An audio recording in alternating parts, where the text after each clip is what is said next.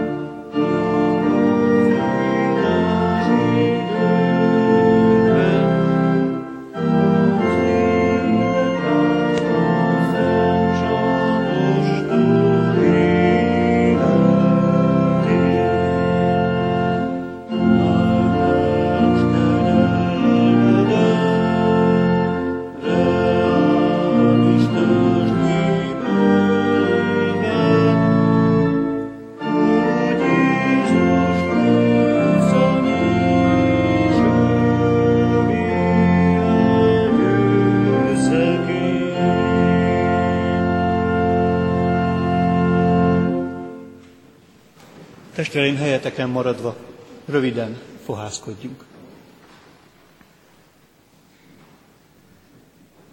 Urunk, úgy állunk most előtted, mint olyan gyermekeid, akiket jól leír az ének, amit most énekeltünk.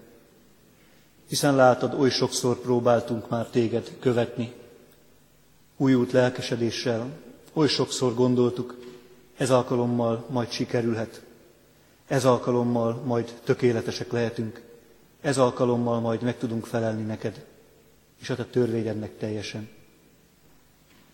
Urunk, látod, hogy ez az elvárás is békjóként nehezedik. Rajtunk bilincsként van kezünkön, lábunkon, mert megint egy elvárás, aminek meg kéne felelni.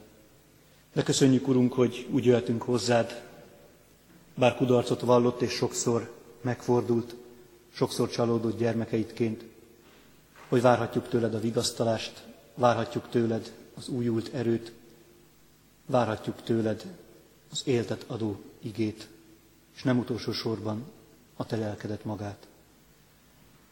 Köszönjük, Krisztus Urunk, hogy te olyan úr vagy, aki megközelíthető vagy. Olyan úr vagy, aki vállaltad velünk teljesen a sors közösséget, az ember voltodban, emberré lételedben. Urunk, köszönjük, hogy nem távol lévő Isten vagy, hanem emberré lett Isten. Szentlélek Úristen, téged kérünk, jöjj közénk, hadd szólaljon meg valóban életüzeneteként a Te igéd, hogy ne csak halljuk azt, hanem be tudjuk fogadni, és annak legyen foganatja életünkben. Urunk, egy csodát csak Te tudod megtenni, hiszen az emberi szó csak fülig ér, de szívig nem mehet. Kérünk, Urunk, add, hogy a Te igéd szívünkig hatoljon. Amen. Testvéreim, most, mielőtt még az ige szava megszólalna közöttünk, hallgassátok meg a Heidelbergi KT 43. kérdését és az arra adott feleletet, hiszen hitmélyítő tanító Isten tiszteleten vagyunk most együtt. Heidelbergi KT 43. kérdés felelete tehát így hangzik. Mi egyéb hasznunk van még Krisztus keresztván való áldozatából és halálából? Az, hogy az ő ereje által, ami óemberünk ővel együtt megfeszítetik, megöletik és eltemettetik, hogy a test gonosz gerjedelmei ne uralkodjanak többé mi bennünk, hanem mi magunkat hálaáldozatul ő neki szenteljük. Tehát még egyszer a kérdés felelet. Mi egyéb hasznunk van még Krisztus keresztfán való áldozatából és halálából? Az, hogy az ő ereje által, ami óemberünk ővel együtt megfeszítetik, megöletik és eltemettetik, hogy a test gonosz gerjedelmei ne uralkodjanak, ne uralkodjanak többé mi bennünk, hanem mi magunkat hálaáldozatul ő neki szenteljük.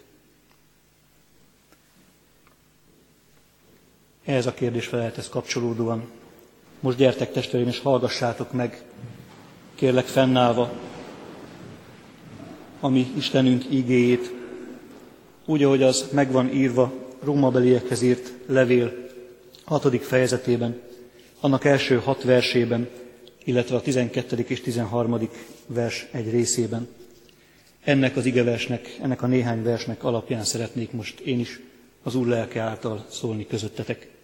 Tehát a megnevezett helyen rómaiakhoz írt levél 6. fejezetében, annak első hat versében és a 12. 13. versben így szól hozzánk az ige. Mit mondjunk tehát? Maradjunk a bűnben, hogy megnövekedjék a kegyelem? Szó sincs róla. Akik meghaltunk a bűnnek, hogyan élhetnénk még benne? Vagy nem tudjátok, hogy mi, akik a Krisztus Jézusba kereszteltettünk, az ő halálába kereszteltettünk?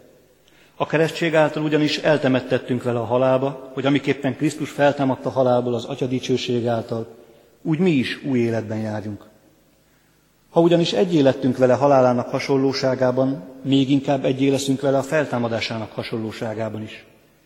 Hiszen tudjuk, hogy a mi óemberünk megfeszítetett vele, hogy megsemmisüljön a bűnhatalmában álló test, hogy többé ne szolgáljunk a bűnnek.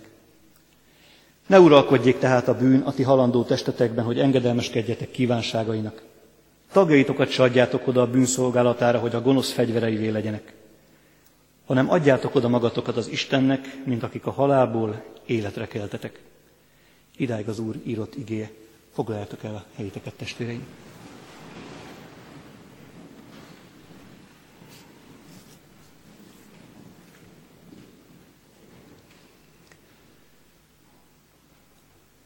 Római levélnek éppen ezt a fejezetét választottam ma estére, mert valamennyire, bár nem teljes egészében fedi le a KT által adott kérdésre a feleletet maga az ige szava, mégis engem ez az ige szakasz szólított meg, és különösen is örültem, hogy a római levélben találtam a KT kérdés feleletére rímelő szakaszt, mert ez a levél mostanában egy ideje, egész konkrétan egy hónapja nagyon foglalkoztat, és azt gondolom, hogy különlegesen gazdag üzenete van ennek a levélnek. És azt szokták mondani, hogy egy-egy, az egyház életének, történetének egy-egy fordulópontján mindig előjön az római levél. Azt gondolom, hogy azért ez az emberek életére is igaz lehet. Ezért választottam éppen ezt a szakaszt. Na de ahhoz, hogy magát a szakaszt értsük, annak egészét talán egy kicsit mélyebben is meglássuk, ahhoz tudni kell, hogy a római levél miért is íródik, mi a célja. Nagyon érdekes a levél keletkezésének a körülménye, hiszen Pál egy olyan gyülekezetnek ír, ahol még soha nem járt, akikről ugyan hallott már éppen eleget, és vannak is ott ismerősei Rómában, és bár sokszor szeretett volna eljutni, eddig a levél megírásaig mégsem jutott el Rómába. Rómából mégis aggasztó híreket hall, a hírek pedig arról szólnak, a pogány keresztények acsarkodnak a zsidó keresztényekre. Azok, akik a pogányságból lettek keresztényi, egy kicsit feljebb valónak tartják magukat a zsidó, zsidókból lett keresztényeknél. Nyilván különböző kulturális alap, különböző hagyomány, különböző életberendezkedésből jöttek a zsidók, és jöttek a pogányok. És ezeknek együtt, egy gyülekezetben kéne megmaradniuk. És nagyon úgy nézett ki, nem tudnak egy gyülekezetnek megmaradni. Szét fognak szakadni a világ csúfjára, és nem utolsó sorban az Úristen csúfjára is, mert hiszen az egész világ annyit látott akkor is az Istenből, és azt gondolom, hogy ez a mai időkre is érvényes, amennyit az ő képviselői mutatnak belőle. Azaz, nézd meg a gyülekezetet, és meglátod, hogy milyen az Isten. Hát ha szétszakad a gyülekezet, akkor vajon szakadozott lehet-e az Isten? Pál éppen ezért írja azt a levelet, ne legyen szakadás közöttetek. Ne legyen acsarkodás közöttetek. Legyetek egységesek. És éppen ezért Pál egy egészen hosszú-hosszú ívet húz ki itt a római levél során. Ennek, egy-egy, ennek csupán csak egy kis szeletébe tudunk most beletekinteni. Ez a szakasz pedig itt a hatodik fejezetben már az alapkérdések tisztázásán túl van, és most már a keresztény élettel szeretne foglalkozni. A megváltás, a megigazulás, a bűn, a bűnbocsánat kérdéseinek tisztázása után most már rátér arra, milyen is a keresztény ember, milyen is a keresztény ember élete. Vagy olyan Kárti kérdezi, mi hasznunk van még abból, hogy Krisztus kereszten meghalt és feltámadt? Mi hasznunk van még ebből az áldozatból? Erre ez az ige szakasz úgy felel, és ez az egyetlen mondat, amit szeretnék aztán kibontani egy picit. Akik Krisztussal meghaltunk, vele együtt új életre támadtunk fel. Ez az új élet pedig más, mint az előző. Ez látszik Pálnál azokban a képekben, amiket hoz, a keresztség képében, és ez látszik a szolgaság valakinek való szolgálat képében. Épp ezért én erről a kettőről szeretnék most csak szólni. Ez az új élet más, mint ami eddig volt. Ez látszik a keresztségben. Nagyon érdekes, hogy így kezdi Pál. Mit mondjunk tehát? Maradjunk a bűnben, hogy megnövekedjék a kegyelem? Minden bizonyal Pált támadták a kegyelemtana miatt.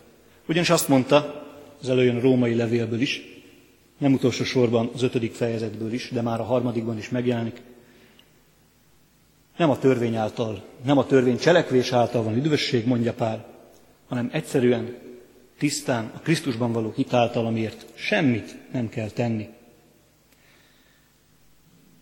Ez a római gyülekezetben is valószínűleg óriási botrányt okozott. Nem kell semmit se csinálni. Nem kell semmit tenni, és miénk az üdvösség. Hogy van ez? Hát akkor mindent szabad. Hát akkor mindent lehet. Az Isten mindent elnéz. Egyszerűen csak hinnem kell abban, hogy Krisztus megváltott engem, és most már mindent szabad? Erre a vádra válaszol itt Pál. Mit mondjunk tehát? Maradjunk a bűnben, hogy megnövekedjék a kegyelem? Csináljuk azt, amit előzőleg tettük, amit előzőleg tettünk, azért, hogy az Isten kegyelme rajtunk még nagyobbnak látszódjék? Hiszen könnyű lenne félre magyarázni az igét. Akinek több bocsátatik, meg jobban is szeret. Hát akkor cselekedjük a bűnt. És akkor majd több bocsátatik meg, és jobban is fogjuk szeretni az Isten. Erre mondja Pál azt, hogy szó sincsen róla. Nem úgy van az, hogyha Krisztusban új életet nyertünk, akkor az pont olyan lenne, mint ami előtte volt.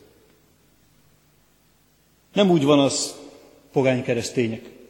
Jöttek a pogányságból, most már Krisztus neve alatt cselekszitek mindazt, amit eddig a különböző isteneitek neve alatt tettetek.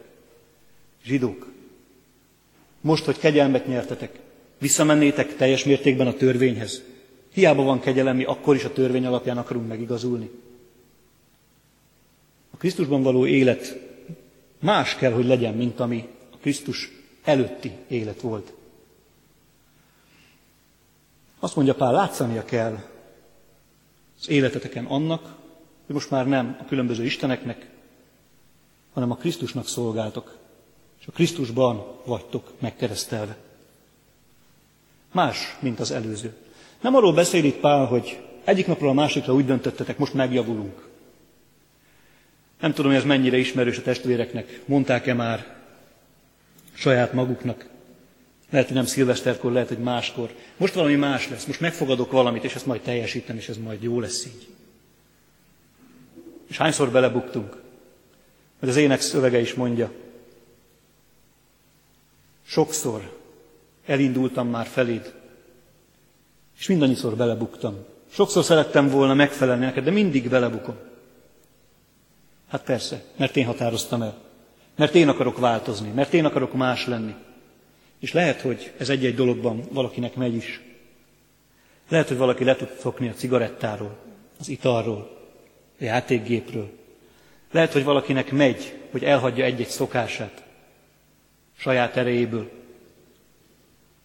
De Pál nem ilyen változásról beszél, nem ilyen fordulásról beszél.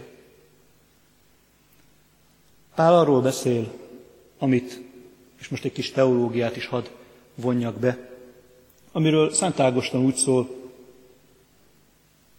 különbség a között, hogy valaki nem tud nem vétkezni, és hogy valaki tud nem vétkezni, óriási. Egész konkrétan így mondja, az ember alapállapota az, hogy nem tud nem vétkezni. Non possa non peccare. Nem tud jót tenni az ember. Akár mennyire próbálkozik, akár mennyire annak látszik is. Az Isten szemében nem tud nem vétkezni. És ebből az állapotból kell, hogy átkerüljön az ember a megváltás csodája által, abba az állapotban, amikor megadatik neki a lehetőség újra. Tudok már nem vétkezni is. Ellen tudok már állni a bűnnek. Hátam mögé tudok vetni dolgokat, amik eddig nyomorították az életemet. Nem azért, mert olyan nagyon ügyes vagyok és erős vagyok, és nagy az akaraterőm, ebbe is, ez is benne van azért, de sokkal inkább azért, mert most már a Krisztusé vagyok. Akik meghaltunk a bűnnek, hogyan élhetnénk még benne? Nagyon súlyos szavak ezek itt. Nem véletlenül Pál halászót használja. Nem azt mondja, mi, akik megváltoztunk már, nem léphetünk vissza, nem ezt mondja, hanem mi, akik meghaltunk a bűnnek, hogyan élhetnénk még benne?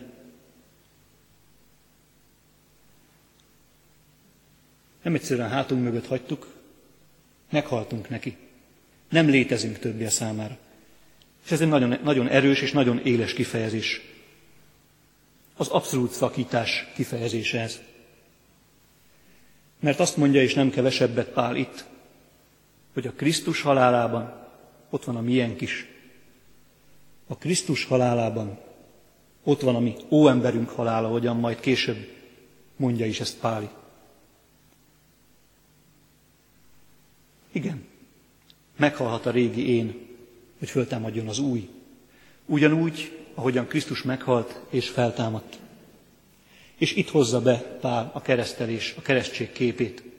Azt mondja, a keresztség is pontosan ezt ábrázolja. A Krisztus meghalt értem, a Krisztus feltámadt értem. És nekem is van lehetőségem arra, hogy meghalljak a bűnnek, és feltámadjak egy új életre. Hogy legyen új életem. Hogy nem megjobbított, megjavított, kicsit megtekert életem legyen, hanem teljesen új életem legyen. Hogy hátrahagyjam a régit, hogy ami mögöttem van, azt elfeledve, ami pedig előttem van, annak nekifeszülve, fussak egyenes cél felé. Vagy nem tudjátok, hogy mi, akik a Krisztus Jézusba kereszteltettünk, az ő halálába kereszteltettünk? Azt mondja Pál, hogy ezt nem lehet megúszni. Halál nélkül nincsen új élet. Kis irányváltással nincs irányváltás. Ha a mag a földben nem esik és meg nem hal, akkor nem terem, mondja Jézus nyilván saját magáról. De ez igaz a mi életünkre is. Ha nem hal meg a régi élet, nem lesz új. Ekkora váltás ez. Ezért mondja azt Pál az őt vádlóknak. Hát ha ekkora váltás volt az életedben, ha ekkora váltás volt az életünkben, és a tietekben is, kedves római gyülekezet, akkor hogy mondhatjátok, hogy csináljuk azt, amit régen, hát az Isten kegyelme úgyis nagyobb. Ha egyszer meghaltatok valaminek, és új életet támadtatok föl, akkor már nem tudtok visszamenni a régihez. Lehetetlen. Mert az az élet meghalt. Az az élet, ami volt, lehet, hogy nem, felejt, lehet, hogy nem felejted el, de már nem tudsz oda visszamenni, mert valami egészen mást, valami egészen újat, valami egészen csodálatos tapasztaltál. Tudnék azt, hogy az Atya dicsősége, megváltottság a tiéd. Az új életben pontosan ez a csodálatos. Ez a fajta biztonság a csodálatos. Immár szabad vagyok. Immár szabad vagyok arra, hogy ne csak a bűnt keressem. Immár szabad vagyok arra, hogy az Isten akaratát keressem. Immár szabad vagyok arra, hogy új életben járjak. Sokféle elvárás, sokféle békjó nélkül, amik eddig itt voltak rajtam. Szóval milyen haszna van még a Krisztus keresztben elszenvedett halálából keresztény embernek? Pontosan ez a szabadság, hogy ahogyan Krisztus meghalt és feltámadt, úgy számomra is van lehetőség meghalni és feltámadni egy új életre. Már itt a Földön, és persze nem utolsó sorban azért benne van ebben az is, egykoron, majd amikor az Úristen ezt jónak látja, akkor valóban testben is feltámadni. De ebben most nem szeretnék belemenni erről, nem annyira szól most ez az ige. Szóval van lehetőség az új életre. Egy egészen más minőségű új életre, mint ami előtte volt. Ezt mutatja a keresztség. Ezt mutatja az a néhány csepp víz, amit gyermekek homlokára szoktunk egy kicsit önteni, locsolni. Ezt jelképezi. Eddig szennyes volt, most már tiszta lesz. Egészen más, egészen új. És éppen ezért, mivel egészen más, egészen új, nem lehetnek rá jellemzőek a régi élet cselekedetei. Ha mégis, akkor ott valami baj van. Azt mondja Pál, hiszen tudjuk, hogy a mi óemberünk megfeszítetett vele, hogy megsemmisüljön a bűn hatalmában álló test, hogy többé ne szolgáljunk a bűnnek. Egyszer szabadságom van arra, hogy ne szolgáljak a bűnnek, akkor miért tenném? Kedves római gyülekezet, ha egyszer szabadságotok van arra, hogy ne a régi életeteknek szolgáljatok, hanem immár az Istennek, akkor ugye miért tennétek a régi dolgokat? Ha egyszer örültök annak, hogy új életetek van, miért keresnétek a régi nyomorúságokat? És itt Pál elkezdi használni a szolgaság képét is, ami nem volt ismeretlen a római gyülekezet előtt. Hiszen a pogány keresztények jó része vagy még aktívan tevékenykedő, vagy volt felszabadított rabszolga volt. Nagyon jól ismerték, mit jelent a szolgaság. Mit jelent az, hogy nem oda megyek, ahova akarok, hanem ahova küldenek. Mit jelent az, hogy nem a magam ura vagyok.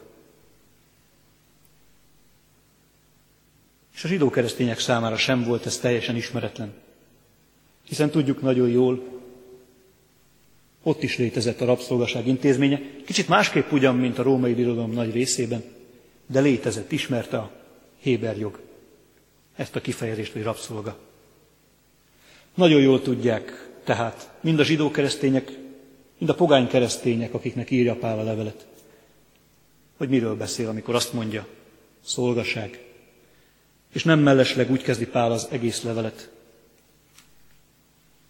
Pál Krisztus Jézus szolgája. Itt is ugyanazt a szót használja. Szóval tudják, mit jelent a szolgaság. Tudják, mit jelent békjóban lenni. Tudják, mit jelent akarattal ugyan rendelkezni, de azzal semmiképpen sem élni. És azt mondja Pál, ilyen a bűnszolgasága is, ilyen a régi élet is. Mondja Pál nekik, emlékezzetek vissza.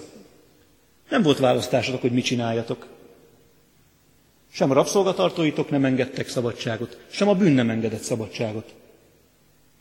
Nem volt kérdés, hogyha elveheted, akkor elveszed. Nem volt kérdés, hogyha üthetsz is következmények nélkül, akkor ütni fogsz. Nem volt kérdés, hogyha gúnyolódhatsz, akkor gúnyolódni fogsz. Nem volt kérdés. Most már van kérdés. Most már egyáltalán felvetődhet a kérdés. Biztos jó az, amit csinálok? Biztos, hogy ez az Isten akarata? Akkor nem volt kérdés, és ez rossz volt. Most van. Ez együtt jár a szabadsággal. Ne uralkodjék tehát a bűnati halandó testetekben, hogy engedelmeskedjetek kívánságainak. Mert már nem vagytok a szolgái. Már nem köt titeket a bűn. Tehetitek másképpen. Lehet úgy, hogy tagjaitokat átadjátok az igazság fegyvereiként az Istennek, szól a 13. versben Pál. Lehet, hogy csak szolgaságot váltottatok. Lehet, hogy eddig a bűnnek szolgáltatok, és most már az Istennek. És lehet, hogy erre azt mondjátok, hát akkor hol vagyunk szabadok mi? És erre azt mondja Pál, az Istennél vagytok szabadok. Szolgaságból szolgaságba, de micsoda különbség a két szolgaság között. Az egyik nem enged el. Nagyon éles Ágostonnak itt ez a kifejezése. Non posse, non peccare. Teljes zártság van. Sehol sem nyitott a mondat. Kétszeres tagadás. Nem képes nem védkezni. Ehhez képest az Isten szabadsága, az Isten üdvössége, az abban kapott szabadság pontosan az, hogy most már kinyílik az egyenlet. Posse non peccare. Képes vagy rá. És ez azért egy erőteljes reménységet és erőteljes önbizalmat is adhat nekünk. Ha a régi életet elhagytuk és újat kezdtünk a Krisztussal, akkor nem csupán úgy, van, úgy vagyunk, mint a példázatbeli ház, amit amikor elhagy a gonosz lélek, akkor víztelen helyeken járva, egyszer csak úgy gondolja, hogy visszamegy és megnézi, mi van az előző helyen, és azt üresen találja, kisöpörve és üresen találja. És akkor vesz maga mellé hétszer gonoszabbakat, és akkor az előző helyzeténél sokkal rosszabb lesz az új helyzete annak az embernek. Nem így vagyunk mi. Nem úgy vagyunk, az Isten megtisztított titeket, az Isten felszabadított titeket, most akkor kezdjetek ti magatok valamit a szabadságotokkal. És persze ott állunk, és nem tudunk mit csinálni, mint a kisöprögetett ház. Most akkor mivel töltsük tele? Mivel töltsük meg? Eddig ott, volt, eddig ott volt a bűn, eddig nem volt kérdés. Most van kérdés. Mivel töltsük meg? És erre mondja Pál azt. Szolgáljatok az Istennek. Eddig a bűnnek szolgáltatok, most szolgáljatok az Istennek. Legyen ura a háznak. Nem magatok akarjatok a trónra ülni, mert akkor előbb-utóbb visszajönnek a régi dolgok, és a mostani helyzetetek rosszabb lesz az előzőnél. Azt mondja Pál, tagjaitokat se adjátok oda a bűnszolgálatára, hogy a gonoszság fegyvereivé legyetek, legyenek, hanem adjátok oda magatokat az, Isten, az Istennek, mint akik a halálból életre keltetek. Adják, adjátok oda magatokat az Istennek. És erről is szól a KT. A KT sem áll meg ott. Föl vagytok szabadulva. A Krisztus meghalt és föltámadt értetek, ti is új életre keltetek, és ezzel vége. Nem. Az új életnek új feladata van. A régi életnek meg volt a maga feladata, amit annak gondoltunk. Az új életnek megvan az a feladat, amit az Isten gondol feladatnak. És ez reménységgel tölt el, és ez önbizalommal tölt el. Önbizalommal töltet el mindannyiunkat. Mert az új életünk nem egy egy helyben topogó élet. Az új életünk reménységgel teli, szolgálattal teli, feladattal teli élet. Egy szabad élet. Szabad arra, hogy az Isten akaratát, az ő döntéseit válassza. Pál arra buzdítja római gyülekezetet ebben a levélben, és minket is arra buzdít. Ne ragadjunk le ott, csupán ott, hogy meghalt értem Krisztus és feltámadt értem Krisztus. Ez az örömhír, ez az evangélium, igen. De ahogyan Pál és a Káté is tovább megy, mi is menjünk tovább. Hogy, a, hogy ennek viszont van következménye az életünkre nézve. Tudnilik, én már nem a magamé vagyok, hanem az én hűséges megváltómé. Én már nem én rendelkezem az életem fölött. Nem én szabok meg jót és rosszat, hanem az Isten. És az én szabadságom pontosan az, hogy választhatom ennek az Istennek az akaratát, és örömmel, megelégedettséggel és hálával cselekedhetek. Erre hív minket az ige, erre hív minket a KT szövege is, hogy aki Krisztussal meghaltunk, és vele együtt új életet támadtunk fel, a bűnszolgaságát elhagyva, immár az Istennek szolgáljunk és éljünk. Az Úr adja, hogy tudjunk neki szolgálni saját helyünkön, megtalálva azt a szolgálati ágat és lehetőséget, amit nekünk ad az Isten, hogy ne üres maradjon a ház, hanem legyen neki ura, parancsolója. Adjátok oda magatokat az Istennek, mint akik a halálból életre keltetek. Amen. Testvéreim, most pedig helyeteken maradva néhány perc erejéig csendben imádkozzunk.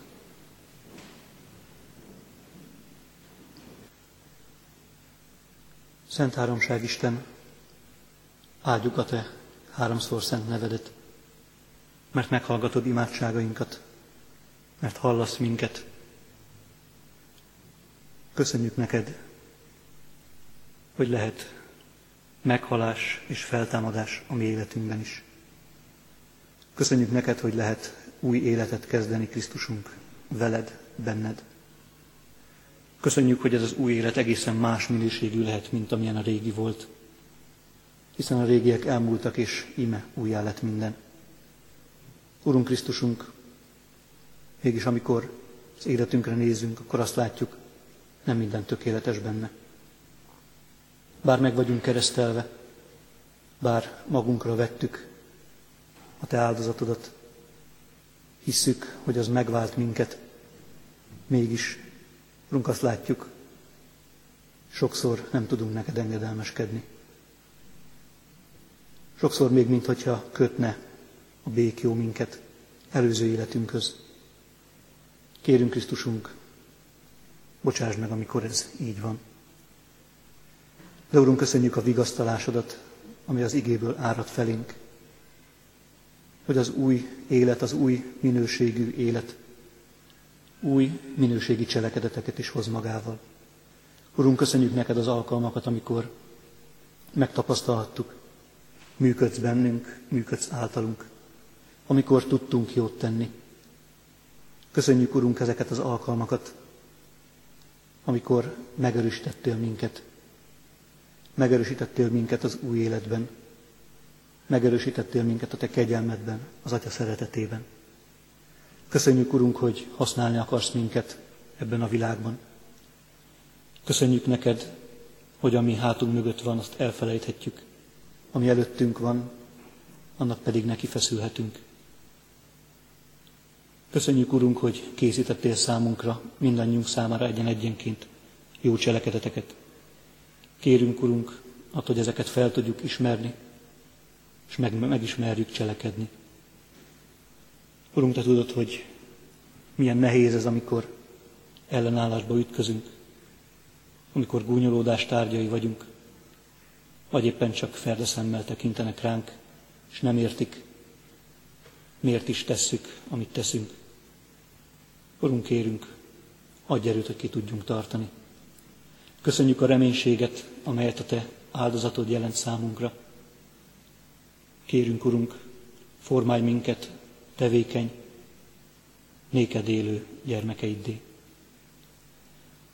Kérünk téged, Urunk, légy gyászoló testvéreinkkel, azokkal, akik most teljes test közelből tapasztalták meg, milyen is a halál. Urunk, te légy vigasztalójuk, és ha úgy akarod, küldj minket is gyászoló testvéreinkhez. Urunk, te ébresz szívünkben vágyat az ő meglátogatásukra, vigasztalásukra. Kérünk beteg testvéreinkért, te légy támaszuk a beteg ágyon, és te légy gyógyítójuk is. De mindenek fölött, akár mi is a te terved velük, ha tudjanak megmaradni melletted, ha tudjanak jó eszközeid lenni az új életben. Kérünk, Urunk, a bűn által terhelt testvéreinkért, rokonainkért, ismerőseinkért. Te tudod, milyen nagy a nyomorúság körülöttünk is. Kérünk, Urunk, te cselekedj azok között, akiket most még köt a bűnszolgasága. Te szabadítsd fel őket. Urunk, használj minket is, talán alkalmatlan, de mindenképpen neked engedelmeskedni akaró eszközökként. Urunk, kérünk, ha tudjunk megerősödni előttük is az evangélium üzenetében. Urunk, hálát adunk azért, mert nem is olyan régen eső öntözhette földjeinket. Urunk, látod, milyen nagy szüksége volt már ennek a talajnak az esőre. Köszönjük, Urunk, ilyen formán is megmutatkozó áldásodat. Kérünk, Urunk, országunknak és egyházunknak vezetőért, adj nekik bölcsességet, szelítséget és béketűrést, de Urunk, adj nekik belátást is, hogy a mi érdekeinknek megfelelően, de semmiképpen sem a Te akaratoddal szemben tudják vezetni ezt az országot. És Urunk, kérünk ad, hogy népünk, amely a tetsz halál állapotában van, fel tudjon támadni a Te üzeneted által, a benned való hídben. Urunk Krisztusunk, kérünk téged, hallgass meg minket. Amen. Most pedig testvéreim, gyertek és fennállva szóljunk a mi mennyei atyánkhoz, Krisztus Úrunktól tanult szavakkal. Mi atyánk, aki a mennyekben vagy, szenteltessék meg a te neved. Jöjjön el a te országod, legyen meg a te akaratod, mint a mennyben, úgy itt a földön is. Ami mindennapi kenyerünket ad meg nekünk ma, és bocsásd meg védkeinket, miképpen mi is megbocsátunk az ellenünk védkezőknek. És ne vigy minket kísértésbe, te szabadíts meg minket a gonosztól, mert Tiéd az ország, a hatalom és a dicsőség mindörökké. Amen. Testvéreim, az adakozás lehetőségét hirdetem számotokra, hálaadással ajánljátok fel adományaitokat az Úrnak, és jókedvel, hiszen tudjuk, a jókedvű adakozót szereti az Isten. Most pedig kérjük és fogadjuk együtt az Úr áldását. Testvéreim, kegyelem adassék mindazoknak, akik el nem múló szeretettel szeretik a mi Urunkat, a Krisztus Jézust. Amen. Isten tiszteletünk zárásaképpen a 467-es számú dicséretet énekeljük annak minden verszakával. 467-es számú dicséretünknek öt verszaka van, és az első így kezdődik. Mi jó, ha bűntől már szabad, az Úr szolgája vagy.